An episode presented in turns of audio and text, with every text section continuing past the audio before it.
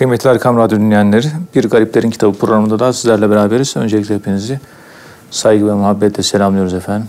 Efendim bu programda kıymetli hocamız Profesör Doktor Ethem Cebecioğlu bize tasavvufun kurucu şahsiyetlerinin hayat hikayelerinden ve hikmet sözlerinden bahsediyorlar. Kıymetli hocam Ebu Hüseyin en-Nuri'nin hayatının son günlerinde sokakta birinin okuduğu seni seve seve öyle bir noktaya ulaştım ki akıllar bu menzile vardıklarında hayrete düşmüşlerdir anlamındaki beyti duyunca vecde geldiği söyleniyor. Kamışları yeni kesilmiş olan bahçede dönüp dururken ayaklarının altı yarılıyor ve bir müddet sonra da vefat ettiği söyleniyor. Ve son anlarında Allah'ı an diyen dostlarına zaten ona dönmüyor muyuz diye karşılık veriyor. Ve en yakın dostu Cüneyd-i Bağdadi'nin onun ölümünden sonra artık Sıddık'tan bahseden kalmadı. Çünkü çağın Sıddık'ı oydu dediği naklediliyor. Yani Ebu Hüseyin en-Nuri tasavvufta önemli bir şahsiyet ve böyle halleri var. Dilerseniz bununla başlayabiliriz hocam. Yani çağın sıddıkı ne demek? Vefat ettikten sonra artık sıddıktan bahseden kalmadı. Ne demek? Buyurun Sayın Hocam. Euzubillahimineşşeytanirracim. Bismillahirrahmanirrahim. Elhamdülillahi Rabbil alemin. Ve salatu ve selamu ala Resulina Muhammedin ve ala alihi ve sahbihi ecma'in. Ve bihi nesta'in. Evet, selamun aleyküm muhterem dinleyenlerim. Makamın cennet olsun. Konuştuklarıyla yaptıkları birbirine uyan insan, içi ile dışı aynı olan insanlara sıddık denilir. Evet. Daha geniş manaları var. Fakat bir avam tabakası olarak biz bu kadarını bilsek yeter. Bize kafi gelir. Ya doğru olmak. Ama doğru olmak, dilin doğruyu konuşacak. Doğruyu da yaşayacaksın ve doğruyu da düşüneceksin. Yani aklen, kavlen, fiilen, niyet olarak, kalp olarak bir şey doğruysa e, dört boyutlu birden doğruluğu olmalı. Hazreti Ebu Bekir Sıddık'a Sıddık denmesinin sebebi biliyorsunuz Peygamberimizin Miraç olayı anlatıldığında o söylüyorsa doğrudur demiş. O kadar tasdik etti hemen. Peygamber söylüyorsa doğrudur. Tartışmamış. Acaba dememiş. Yani bugün peygamberimizin sahih hadisleri karşısında onları e, tartışmaya açanları düşünüyorum. Bir de Hazreti Ebu Bekir'in bu tavrı. Hazreti Ebu Bekir bu tavrı aklını hiç kullanmadan doğrudan teslim oluyor. Ümmetin en üstün insan oluyor. E, sorgulayın, sorgulayın diyen ilahiyatçı akademisyenler var. E, sorguluyor peygamberimiz ama sıddık olmuyor ki o zaman sorgulayınca. Sıddıklıkta sorgulama yok. Sorguladığın an sıddıklık yok. Onu da geçtik. Allah'ı sorguluyor. Allah'ım diyor e, Profesör e, Doktor Soner Bey e, deistlere cevap vermek üzere Allah'ım sorularım var diye bir kitap yayınladı. Çok güzel dinleyiciler mutlaka onu okusunlar. Genç dergisi yayınladı. Abuk sabuk sorulara çok güzel cevap vermiş. Sanırım Soner Bey bir kelamcı galiba. Güzel hazırlanmış. Ee, tebrik şayan. Şimdi sorgulamaz. Muhbiri sadık peygamberimize ne dediyse doğrudur diye teslim olmak bir tavır. Bir sorgulayalım bakalım. Demek de ayrı bir tavır. Sıddıklığın zıttı neyse, sadıklığın zıttı neyse, sorgulamaya başladığınız andan itibaren siz artık o paranteze girmiş oluyorsunuz. Ama size sadık denmez. Sadıkta sorgulamak yok. Sadıktan tasdik beklenilir. Tasdik edene de sadık denilir. Bir de bir işi sağlam yapmak anlamına geliyor. Yani namaz kılıyor kıldığı namaz namaz gibi namaz. Efendim söyleyeyim bir bina yaptı müteahhit. O kadar böyle incelikle, o kadar kurallara uygun, o kadar güzel, o kadar güzel yaptı ki ha, sadaka kelimesi oradan kullanılıyor. Sadaka. Bir de mihri sadak var biliyorsunuz. Evet. Tam vermek mihri. Hakkını yerine getirmek, hak hukuk gözetmek. Çok anlamları var o Kur'an okunduktan sonra sadakallahu lazim diyoruz. Sadakallahu lazim. Allah doğru söylediği anlamına değil. Oradaki sadaka kelimesi Allah anlattı, anlattı. Anlattıklarını eksiksiz, tam, noksan ve sağlam bir şekilde anlattı. Allah sağlam yaptı. Anlatımını Allah sağlam yaptı. Doğru. Kusursuz yaptı. Noksansız yaptı. Sadakallahu lazimin başındaki sadakanın esas manası bu. Ve sıdkan ve adla diyor değil mi? Evet. Biri adaleti ifade ediyor. Ama adaletten önce bir doğruluk var. O doğruluktan sonra adalet geliyor. Sıdkan ve adla. Önce sadıklık, yani yalancılık yok. İçinle dışınla aynı. Yani dıştan bakıldığı zaman için görülmesi, içten bakılınca dışın görülmesi. Cennet kadınları bu konuda çok güzel örnek. Evet. Sadık zevceler onlar. Yura batunuha min zahiriha. Dışarıdan içi gözüküyor o kadınların. Yani içlerinde ne varsa onu konuşurlar. Olmayan şeyi konuşmazlar. Olanı olduğu gibi konuşurlar. Yapmacık, sahtekar değiller. Persona kullanmazlar. İki kişilik şizofren değiller. Değillerdir. Yalan yoktur. Oldukları gibi gözükürler. Ne görüyorsan gördüğün gibidir o.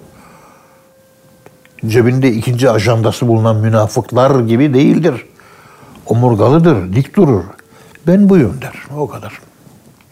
İşte o cennet kadınların kocalarına karşı dıştan bakınca içi görülecek derecede sıddıkiyetleri ve olduğu gibi görünmeleri bize şu dünyada yaşayan insanlar ve müminler olarak pek çok büyük eternel, çok büyük kevni, efendim ahlaki, etik pek çok mesaj iletiyor. Evet. Tabi anlayana. Biz sürekli olarak mesela iş yerinde senin bir davranışın var. Asistanların gelir, akademisyen arkadaşların gelir, ziyaretçilerin gelir.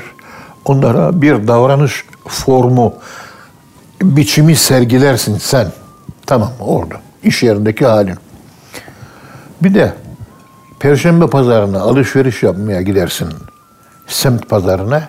Senin bir de pazardaki bir alışveriş yapma halin var değil mi? O da bir hal. Evet. Camiye namaz kılmaya gittin.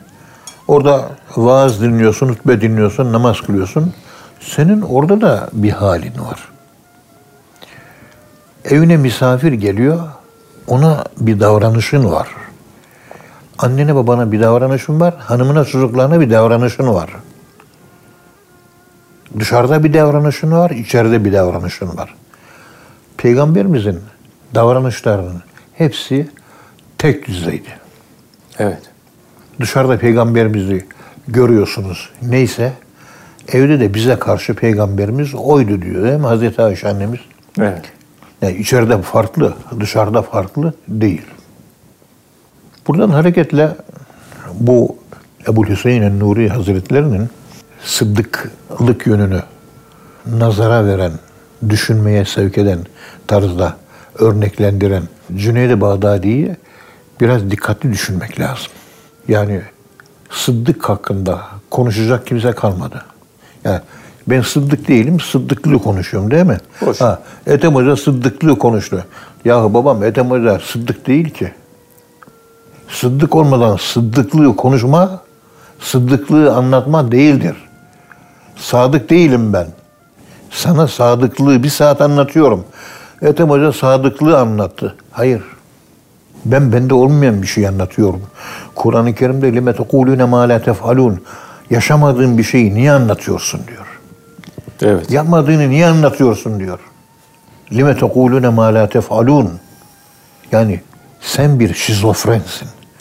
İçi ve dışı eşit olmayan insanlar şizofreni derecelerinden bir derecede makam almaya adaydırlar.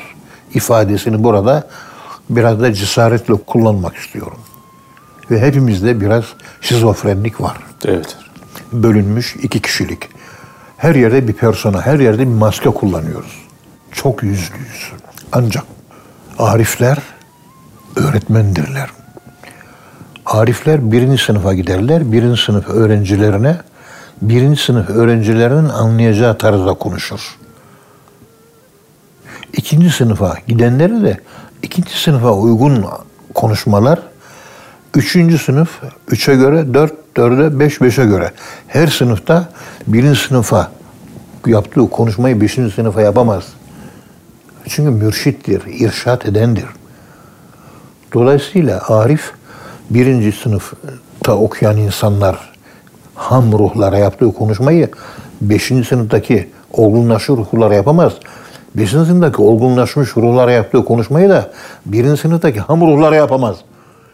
Bu yüzden ariflerin konuşmaları muhataplarına göre şekil alır. Empati kurarlar, müdara ile konuşurlar, seviyelerine inerler. Enzilu menazilehum seviyelerine inerler. Ve onlara anlayabileceği dilden hitap ederler ki o dili anlar ve tesir altında kalır. Anlamadığı bir dilden konuşursanız tesir altında kalmaz. Evet. Bir kadınla konuşuyorsun. Bir kadınla konuşurken mutlaka anne vurgulu ve anne arkeli anlam yapıları üzerinde e, cümle strüktürleri kurmak zorundasınız.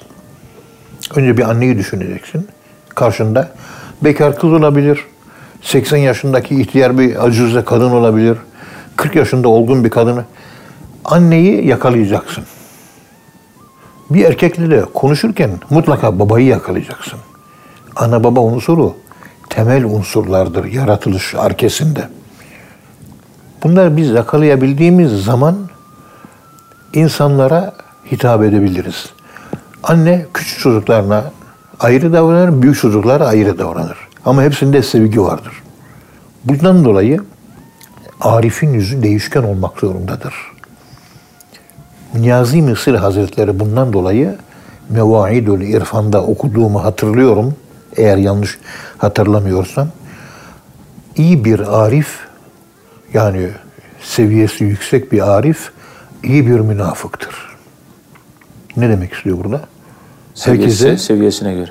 Seviyesine göre bu kalemin gibi şekil alır. Herkese aynı şekilde, aynı yüzle, aynı dile yaklaşırsa o dili, o yüzü tanıdık bilenler ve o dile aşina olanlar kendisine yaklaşır. Geri kalan ya anlamıyorum, yüzü de bana yabancı geliyor bu konuşmanın der, çeker gider. Halbuki kendisine çekecek, her birini tamir edecek, imar edecek. Yeryüzünde bizim imar faaliyetimiz var. Yeryüzünü imal ettiğimiz gibi toprağa bağlı yaratılan insanı da imar zorundayız. İlla yeryüzünde tarla sürüp de buğday ekmek manasına bina kurmak, yol yapmak, asfalt ve bahçe açmak manasına değil imar. Değil. Yani enşe'ekum minel ardu ve istamerakum fiha sizi yeryüzü toprağından yarattı ve o toprağı da imar etmek üzere yarattı. İnsan toprak, o toprağı da inşa edeceksin sen. Ve imar edeceksin. Tamir edeceksin, mamur hale getireceksin. Ömür kelimesinin manası bu. Kendini ne kadar imar edebildin? Senin ömrün o. Ömür bellidir. Sen tamir edileceğin ne kadar, hangi sıfatı ne kadar isim esmayı yaşayabileceğin potansiyel bellidir. Sabırda 70'i yakalaman lazım. 80'i rahmette yakalaman lazım. Rezzaklıkta ve cömertlikte 60'sın buralara yakalayamazsan kendi toprağını imar etmiş olamazsın. Tamir etmiş olamazsın. Bak istimar, tamir bunları bir ayrı bir düşünmek lazım. Evet. Bundan dolayı Arif'in çok yüzü olur. Mevlana'nın tabiriyle 360 tane yüzü vardır. Peki esas yüzü nedir? Kendi yüzümü bilmiyorum. Ben kimim diyor. İlahi yüz. insanın beşeri benliğini aşıp da ilahi benliğini bulduğu zaman ilahi benlikte kimlik yoktur. Bütün kimlikler vardır orada. O kimlikle her türlü insanla konuşur. Mevlana Celaleddin Rumi Hazretleri Konya'nın umumhane kadınlarıyla konuşmuştur. Ve anlatmıştır derdini ve kadınlar da anlamıştır. O dili kullanmıştır. Siz ne mübarek kadınlarsınız diyor bu toplum diyor sigortasızsınız. Ve bu şehrin namusu sizden sorulur gibi böyle bir açıklamaları var. Siz olmasanız namuslu kadınların kıymeti bilinmezdi. Yani bulunduğunuz yer kendinizi kötü görmeyin. Siz de bir görev yapıyorsunuz aslında diyor. Ama sizin göreviniz çok ağır. Nasıl devam ediyorsunuz? Deyin de bam telinden uğruyor Mevlana. Şimdi bu ifadeleri katı, taasıp, şeriatın zahiriyle amel eden, yani empati kullanmayı bilmeyen, de aşkılıklı bir adamı anlatsan, vay bu adam kimmiş be, kafir, kellesini uçuralım. İlk cümlesi bu olur. Önce bir kafir der, ondan sonra kelle uçurmak. Ya uçurursan git de İslam düşmanlarının kellesini uçur ya. Müslümanları kesenleri kes. Yok. Yok. Hep şu ana kadar DH Müslüman kesti. Bir daha kafir kestiğini ne gördüm ne duydum. Yok böyle bir şey. Bir Amerika kurarsa, İngiltere, İsrail kurarsa e, bir İslam örgütü gelir senin benim gibi namaz kılan Müslümanları öldürmeye çalışır. Akıl yok, akıl. O nimet yok. Evet hocam. Çocuk gibi, e, Zayı Karakoç'un dediği gibi 8 yaşında ufak bebek. Burada son nefesinde, bakın dikkat edin, Allah'ı hatırla. Yani ölüyorsun artık diyenlere zaten ona dönüyoruz diyor. Yani biz sürekli ona dönük yaşadık. Yani o bilinç var. O bilinçle ben im kimliğim ona göre. Yani sürekli Allah'ı zikreden zikretmiyormuş gibidir. Sürekli oruç tutan oruç tutmuyormuş gibidir. Sürekli kesintisiz namaz kılan namaz kılmıyor gibidir. Zaten namaz kılıyor. Evet Namaz kıl denmez. Namaz kıl denmeyecek pozisyonlar. Hiç kılmayana da kıl diyorsun. Sürekli kılana da kıl diyorsun. Arada fark var mı? Var. Var. İki kıl, birisi farklı kılmak, öbürü farklı bir kılmak. Evet. evet. Allah razı olsun hocam. Ağzınıza sağlık. Muhterem dinleyenler. Programın birinci bölümün sonuna geldik. İkinci bölümde tekrar birlikte olacağız inşallah. Efendim şimdi kısa bir ara. Kıymetli dinleyenler programımızın ikinci bölümünde tekrar birlikteyiz. Muhterem hocamız bize Ebu Hüseyin En-Nuri Hazretlerinin hikmet sözlerinden bahsediyorlar. Kıymetli hocam Ebu Hüseyin En-Nuri Hazretlerinin görüşlerini şu şekilde özetliyorlar. Mücahede ve riyazete devam, nefsin arzularına karşı müsamahayı terk ve insanlara müdahale etmemek. Yani başlangıçta mücahede var, riyazet var. Sonra nefsin arzularına karşı müsamahalı davranmamak ve insanlara karşı e, müdahaleli davranmamak şeklinde e, bu şekilde Ebu Zeyn en-Nuri Hazretleri'nin görüşlerini özetlenmiş. Dilerseniz bunları izah ederek devam edebiliriz kıymetli hocam. Buyurun Sayın Hocam. Bismillahirrahmanirrahim. Elhamdülillahi Rabbil alemin. Ve salatu ve selamu ala Resulina Muhammedin ve ala alihi ve sahbihi ecma'in ve bihi nesta'in. İnsanın Ebu Hüseyin'e göre sürekli mücahede halinde olması lazım. Yani namaz kılmak, oruç tutmak, Kur'an okumak, hizmet etmek, riyazet dediğimizde uyuya uyuya gaflete düşüyoruz. Uyumayı azaltmak. Konuşmayı seviyoruz. Konuşmayı azaltmak. Yemeği çok seviyoruz. Yemeği, içmeyi azaltmak. Evet. Kılleti taam, kılleti menam diye anlatılan konular bunlar. Bir yandan Allah'a yükselten ameller, onları yapacağız. Bir yandan da nefsin terbiye edilmesi yönünde bir takım uygulamalar, riyazetler yapmak. Evet. Birisi ruhun tasfiyesiyle alakalı mücahede, öbürü de nefsin teskiyesiyle alakalı. İkisi de rafinasyon anlamına gelmekle birlikte tasfiyede ilk yaratılış saflığına dönmek, teskiyede ise kirlenmişliğin giderilmesi. Çünkü nefsin yaratılış, geliş yeri itibariyle bir emmareliği söz konusu. Yani e, kötülüğe meyletme kabiliyetinin aşağılarda dolaşmak, yükselememek, yücelememek, yukarılara çıkamamak. Bu gibi özürleri var. Özürlü nefis. Riyazet sert uygulamalarla o nefs Nefsüke matiyüke ferfik biha. Nefsin senin binitindir, bindiğin attır. Onu iyi idare et. Kontrolünü iyi yap. Onunla arkadaşsın bu dünyada. Onlarla, onunla refik ol, dost ol, rıfk üzere ol. Yani bir kimse ömür boyu bu mücahede ve riyazete, ibadete, taate devam edecek. Nefsin azgınlığını yok edecek oruç, işte uykusuzluk, az konuşmak, az demek, az uyumak bunlara da ayrıca riayet edecek. Ömür boyu. Evet. Nefsin arzularına karşı azmi tercih edecek, ruhsattan kazanacak. Nefsin arzularına karşı müsamahakar olmayacak. Olmayacak.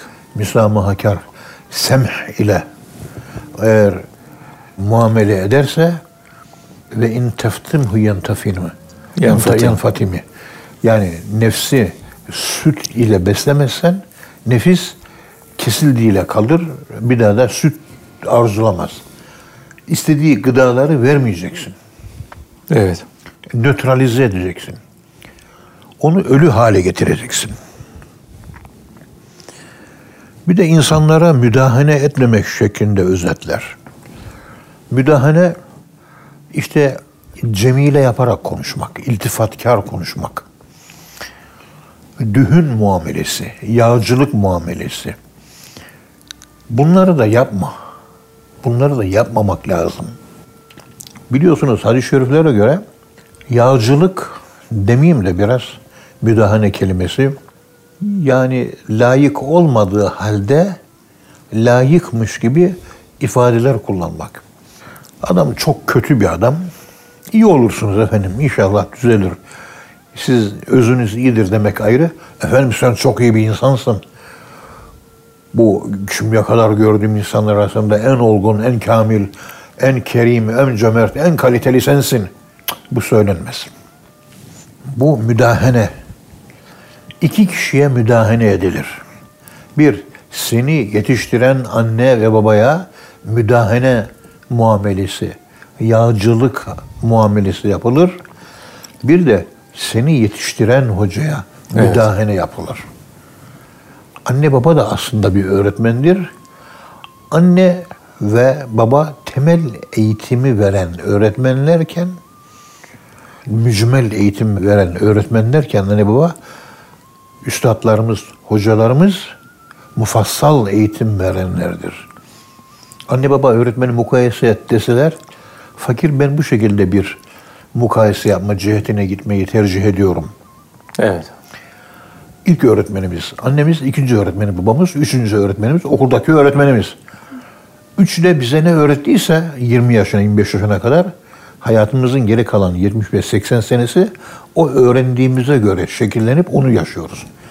Onun için ben senin şu hayat tarzına bakmam. Evet tuhaf bir takım hallerin var senin. Ben dönerim senin annene bakarım. Anneni bir incelerim. Annen seküler. Namazı zayıf. Evet. Efendim söyleyeyim ikram etmeyi sevmez, misafiri sevmez, cömertliği sevmez. Ama e, Allah aşkından da bir yandan da ağlar.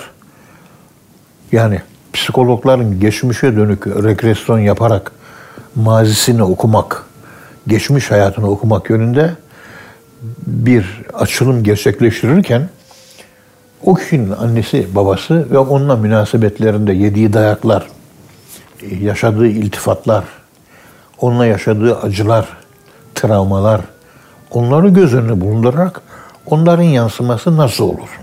Evet. İşte babaya bakıyor, babayı okuyor. Mesela bir yazı okumuştum. Adolf Hitler'in babası Alois Hitler.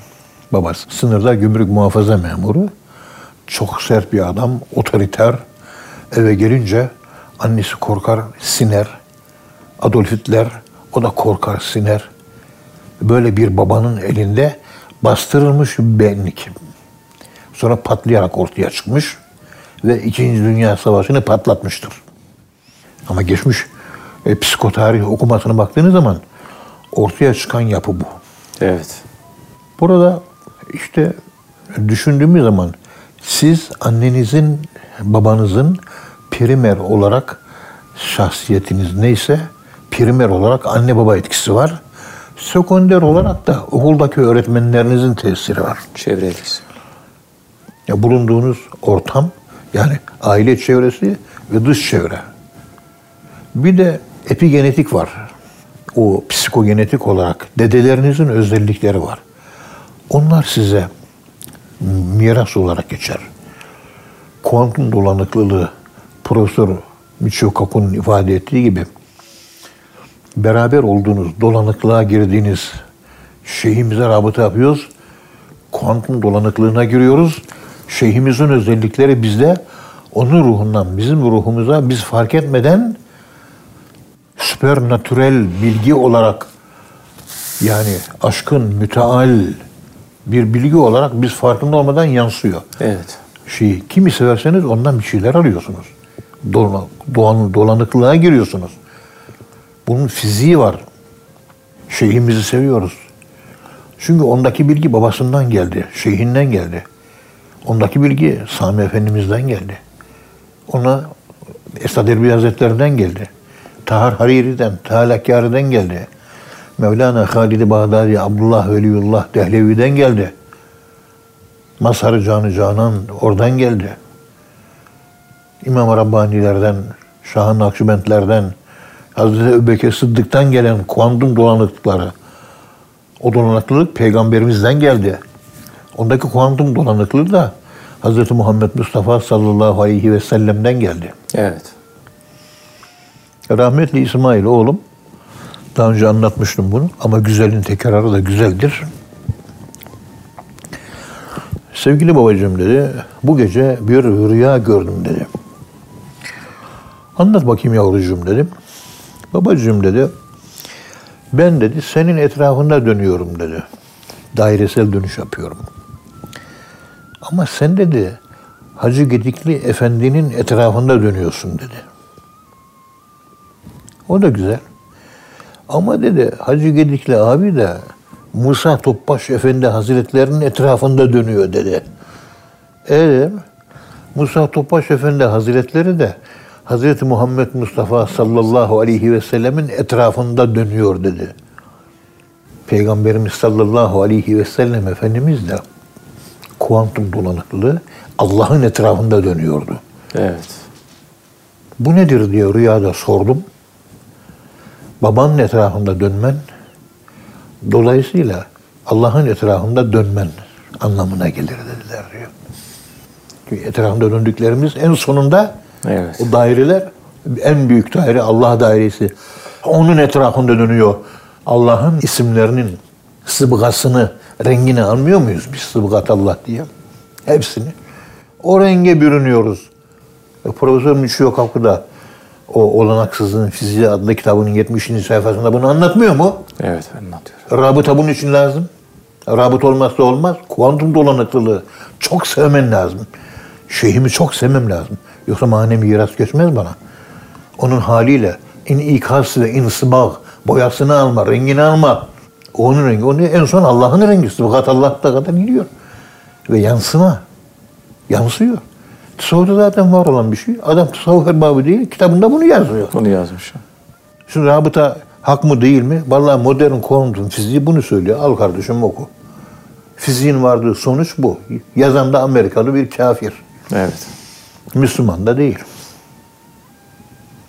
Biraz çok okumak lazım ya. Biraz Bu cehalet bizi batırdı, batırdı, batırdı. Yedi bitirdi, tüketti, tüketti, tüketti. Yani bizim en büyük hatalarımızdan bir tanesi de vahidçiyim. Sırtımızda adam taşımak denilen bir olayı hiçbirimiz yaşamak istemiyoruz. Bir insanın her şeyiyle ilgilenmek. Her ya şey. sen, ben, evde hanımlarımız da ilgilenemiyoruz. Daha evde hanımı taşıyamıyoruz. Nerede kaldı bizim talebeyi taşımamız? Evet. Odama gel çık. Talebe odama gel çıkar. İstediğin kitabı al. Gel iki çay iç. Biraz simit ye. Ders anlattık bittik. Tamam biraz da özel problem var mı anlat. Rüyan var mı anlat. Sıkıntın var mı anlat. Paran yoksa para verelim. Dua ise dua edelim. Artı böyle fazladan bir şeyler var mı? Adam taşımak bu demek. Evet. Yok. Vazifemi, gözümü kaparım, vazifemi yaparım. Odamı kilitler, evime varırım akşamleyin diyorsun. La o çocuklar sana hepsi bir kuzu. O emanet olarak sana verildi. Sen onların çobanısın. Onların maddi halleri kadar manevi halleriyle ilgilen, arkeleriyle ilgilen. Bakıyorsun bayan erkek arke. Evlenemiyor. Evladım şunları şunları yap da kadın ol, evlen artık. Yok yapmam ben diyor. Ama yarmıyor. Yapmayınca olmaz. Sen zıtlıkları yaşıyorsun. Ondan sonra şundan eziliyorum, bundan eziliyorum, şikayete başlıyorsun. Ya söyle bunları yapacaksın. Kadın yaratmış, kadın ol. Erkek, sen de erkek ol. Bakıyorsun kadın erkeli. O da eziliyor. Değişemiyor yani. Yok, olmasına erkeğin erkek olması, kadın kadın olması lazım. Tabi bu konuşular mı arkesel bazda? Arkesel, tabii tabii arkesel var. Yoksa bütün insanlar eşit. Peygamberimiz tabii, tabii. tarağın dişi gibi eşit. Onunla bir problemimiz yok. Ama arke, arkesel bazda değil. En sonunda erkeği de kadınla birleştiren anne arkesi. Er-Rahman ismi. Peygamberimizin nuru, peygamberimizin hakikati, hakikati Muhammediye, sevgi ve merhamet. Orada herkes inşa oluyor. Aslında zikrin amacı da oraya yükseltmek bizi. Bunu nasıl yapacağız ben de bilemiyorum. Kaç tane talebemiz var. Uğraşıyoruz, bakıyor. İşte kalp evde kalmış adam. Bakıyorsun Ahmet Mehmet falan filan. Oğlum ya şöyle yap. Bak sende şu özellik var. Şunları şunları yap. Yani sen şu olman lazım. Sen bu değilsin. Başka bir şeysin sen.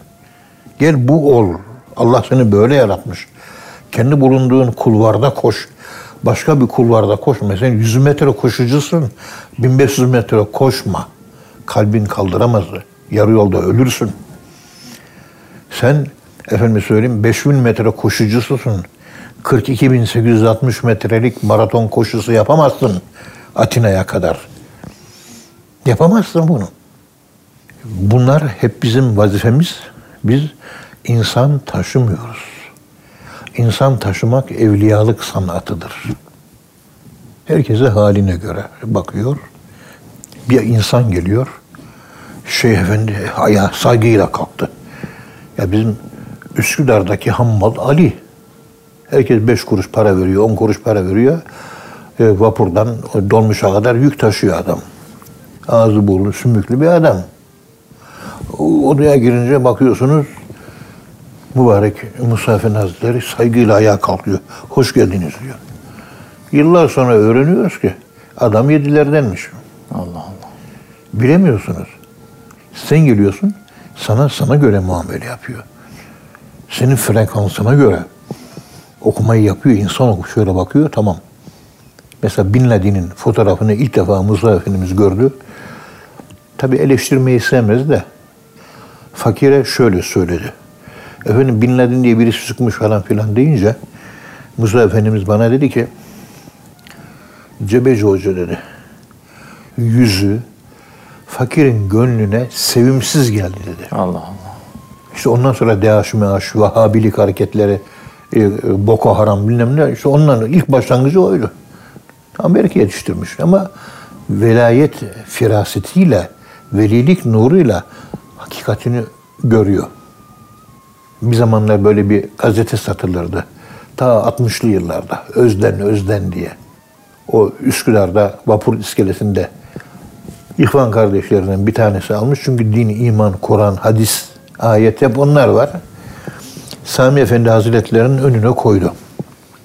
Efendim böyle bir dini mecmua varmış. Aldım. Hani Kur'an'dan ayetler, peygamberden hadisler. Bunun hakkında kanaatiniz nedir dedi. Evet. Özden diye bir gazete. İki sayfalık fazla yok.